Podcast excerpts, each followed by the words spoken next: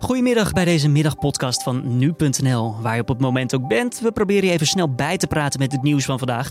En we hebben het over de beurzen dan. Ja, ze openen met rode cijfers in Azië, in Europa en ook in de Verenigde Staten. Wat is er aan de hand en wat merk jij er straks mogelijk van? En uiteindelijk is het zo dat als de olieprijs lager is, dat dat zorgt. En in een Amerikaanse consument voelt dat veel sneller dan als wij bijvoorbeeld uh, gaan tanken. Maar je betaalt minder benzine uh, als je auto gaat rijden. Straks meer daarover met Ralf Wessels. Hij is beleggingsstratege bij ABN AMRO. Maar eerst kort het belangrijkste nieuws van nu. Mijn naam is Julian Dom. Het is vandaag woensdag 9 maart. En dit is de Dit Wordt Het Nieuws middagpodcast. Het aantal besmettingen met het coronavirus in Nederland is opnieuw gestegen. In totaal gaat het nu om 321 patiënten in Nederland, al dus het RIVM. Het dodental ligt sinds zondag op 3. De meeste patiënten zijn woonachtig in Noord-Brabant en daarna volgt de provincie Utrecht. Van 90 mensen is nog niet bekend wat de bron van de besmetting is. Daar wordt nog onderzoek naar gedaan. Ook zijn de resultaten van een onderzoek onder zorgpersoneel in Noord-Brabant nog niet bekend. De RIVM komt later met meer informatie. Met contant geld betalen is nog altijd in bijna elke Nederlandse winkel mogelijk, dat stelt de Nederlandse bank. 79% van de winkels accepteren munten en bankbiljetten. Daarmee blijft contant geld het meest geaccepteerde betaalmiddel van Nederland. Vijf jaar geleden voerde de Nederlandse bank een soortgelijk onderzoek uit en toen accepteerde nog 100% van de winkeliers contant geld. Daardoor is er wel sprake van een lichte daling van 3 procentpunt. Cash wordt op de voet gevolgd door de pinpas. Pinbetalingen worden in 87% van de winkels geaccepteerd. De organisatie van de Australische Grand Prix sluit uit dat de openingsrace van het Formule 1 seizoen vanwege het coronavirus wordt afgelast of zonder publiek wordt gereden. Volgens de organisatie zijn de afgelopen tijd meerdere grote evenementen zonder problemen doorgegaan in Australië. Zo waren er onder meer 80.000 bezoekers aanwezig bij de finale van het WK Vrouwencricket. Als we maar goed nadenken, dan moet het zeker goed komen. Het leven moet ook gewoon doorgaan, al dus de organisatie. In Italiaanse gevangenissen zijn rellen uitgebroken vanwege nieuwe maatregelen tegen verspreiding van het coronavirus. Daarbij zijn zeker zes doden gevallen. Volgens lokale media zijn ook tientallen gevangenen ontsnapt uit hun gevangenis. Een groot deel van Noord-Italië is nagenoeg op slot gezet met reisbeperkingen voor circa 16 miljoen mensen. De maatregelen hebben ook effect op gevangenen. Zo is het toegestane bezoek ingeperkt. Direct contact is tot minstens 22 maart verboden. De supermaan die vanavond aan de hemel staat, zal ondanks de bewolking toch vrij zichtbaar zijn. Dat zegt Weer Online. De maan komt op vanuit het oosten, terwijl een wolkenveld via het westen het land in komt. In het westen kan vanwege die bewolking nog wel wat lastig worden, maar er bestaat zeker een kans dat mensen daar ook een glimp kunnen opvangen van de supermaan. Bij een supermaan, dat is een verschijnsel dat ongeveer drie tot vier keer per jaar plaatsvindt, lijkt de maan ongeveer 7% groter dan normaal. Dat komt omdat de maan een stuk dichter bij de aarde staat dan gebruikelijk is. En het maanlicht is daardoor vannacht ook een stuk feller. Dan ons gesprek van deze middag. Wereldwijd rode cijfers bij de beurzen. Landen op de Amerikaanse beurzen werd maandag namelijk zelfs even kort stilgelegd na de opening. Dat gebeurde nadat de markten bij de start van de handel ruim 8% in de min zijn gegaan. Europese beurzen staan al de hele dag flink in de min na een krach op de oliemarkt. En eerder gingen de Aziatische aandelen ook flink in de min. De Japanse Nikkei-index verloor bijvoorbeeld maar liefst 8%. Het zijn dalingen die vandaag eventjes normaal lijken te zijn. We praten erover met Ralf Wessels, hoofdbeleggingsstrategie bij ABN AMRO. Meneer Wessels, een krach op de oliemarkt zeggen we al eventjes in hoeverre is dit daadwerkelijk allemaal toe te schrijven aan die dalende olieprijzen? Gedeeltelijk. Uh, het speelt natuurlijk ook mee dat het coronavirus nog steeds niet onder controle is. Uh, dus het is die combinatie die nog eens voor extra angst zorgt. En die combinatie, uh, wat, is de, wat is het probleem van, als we het even bij de dalende olieprijs houden voor nu, wat is het gevaar van een dalende prijs? Nou, op de korte termijn raakt het gewoon uh, energie- en oliebedrijven. Denk daarbij in Nederland uh, vooral aan Shell. Uh, die worden natuurlijk meteen geraakt in hun, in hun winsten. en daarmee komen eigenlijk winstmarges onder druk. en dat is slecht voor die bedrijven. We zien voornamelijk, en daar focust zich eigenlijk het probleem op, Rusland, vooral Rusland en in mindere mate misschien ook Saudi-Arabië of de OPEC. Die willen eigenlijk de schalieoliebedrijven in de VS harder raken. en die hebben veel schulden. Uh, dus ja, als dan de prijs onder druk komt, dan krijgen die bedrijven het moeilijker en kan misschien iets aan de aanbodoverschot uh, gedaan worden. En zou dat allemaal lukken in één na twee dagen of in een weekje tijd? Nee, dat heeft, uh, dat heeft wat langer de tijd nodig. en vanuit die optiek is het ook een beetje de vraag hoe lang dat door blijft gaan. want Saoedi-Arabië wil tegelijkertijd eigenlijk ook Rusland weer terug aan de onderhandelingstafel hebben. Maar dat speelt zeg maar in de aandelenmarkt aan de ene kant, dus zeg maar de olie- en energiebedrijven. Aan de andere kant treft het ook banken voor een deel zien we, en dat komt ook door het coronavirus, zien we dat de rentes dalen. Dus dat is slecht voor uh, ook winstmarges van de banken. De rentes dalen door een dalende olieprijs? Nee, door, door, door het hele uh, eigenlijk alles wat er gaande is. Door het coronavirus staat de, er druk op ja, de economische groei wereldwijd. En zijn er twijfels uh, of we in een recessie of iets dergelijks uh, komen. Ja. Nou, dat zie je over het algemeen dat dat leidt tot dalende rentes. Oftewel, die nou, twijfels die wakkeren weer slechtere gevoelens aan en dat heeft weer effect op de beurs. Ja, dat versterkt uh, elkaar. En je ziet eigenlijk dat zeg maar, uh, ook banken hebben natuurlijk leningen uitstaan, onder andere aan de energiesector. Dus als de inkomsten bij een oliebedrijf minder wordt, nou hoeft, hoeft dat voor Shell geen probleem te zijn, maar misschien kleinere wel, dan heeft dat ook weer een negatief effect op banken. Dus het, het kan zeg maar zo ja, de hele economie incijpelen. Een lagere olieprijs, ik zou denken, lager inkopen betekent misschien meer produceren, omdat je basis, je grondstof is wat goedkoper. Zijn er dan, is dat een voordeel of zijn er sowieso voordelen van een lagere prijs? Jazeker, uh, maar die spelen wat meer op de lange termijn. Uiteindelijk is het zo dat als de olieprijs lager is, dat dat zorgt. En in een Amerikaanse consument voelt dat veel sneller dan als wij bijvoorbeeld uh, gaan tanken. Maar je betaalt minder benzine uh, als je auto gaat rijden. en dat is voordelig, want dan heb je meer besteedbaar inkomen. en dat is positief. En dan heeft u het over de langere termijn, dan moeten we denken aan hoe lang? Nou, nou dat, dat gaat eh, dat ligt eraan hoe lang het duurt voordat die olieprijs uh, je aan de pomp gaat merken. Nou, in Nederland duurt dat wat langer dan bijvoorbeeld in Amerika.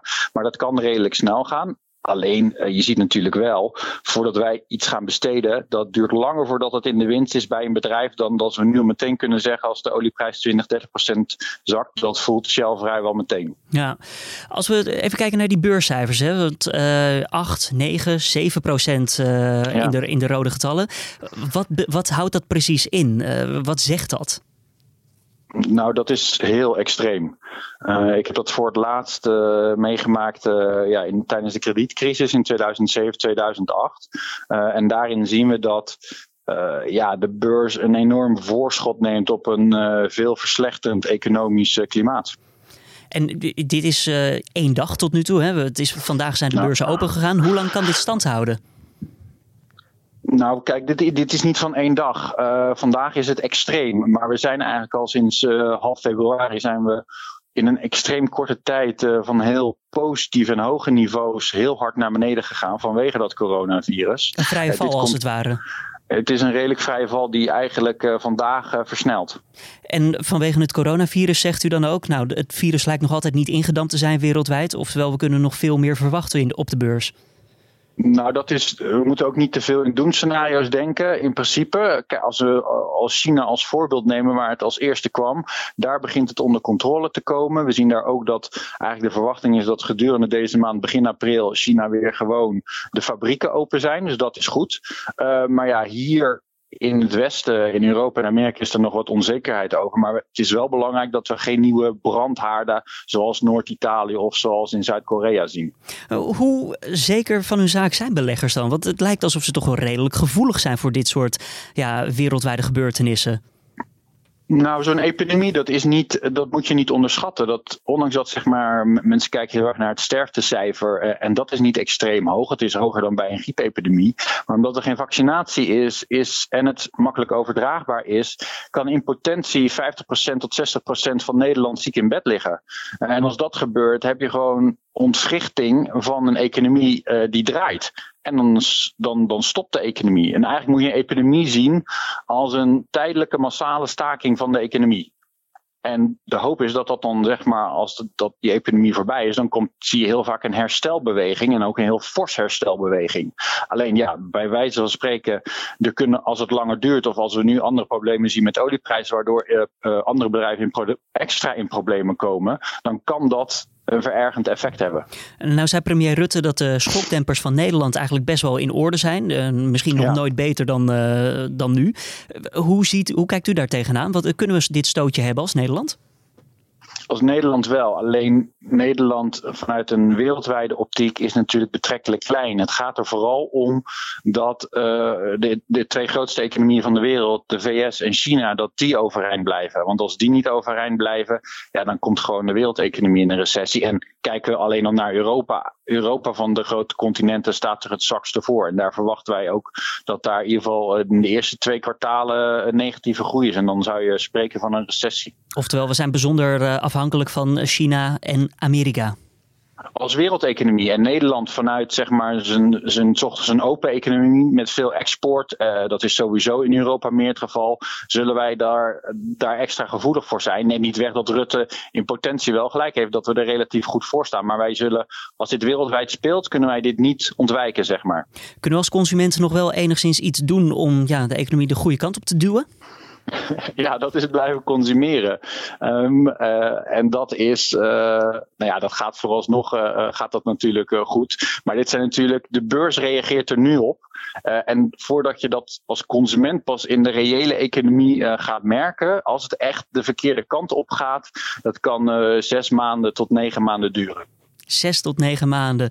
Ja. ja. Is het dan aan te raden om nu nog even snel wat aandelen te kopen die misschien daarna wel weer wat meer waard worden?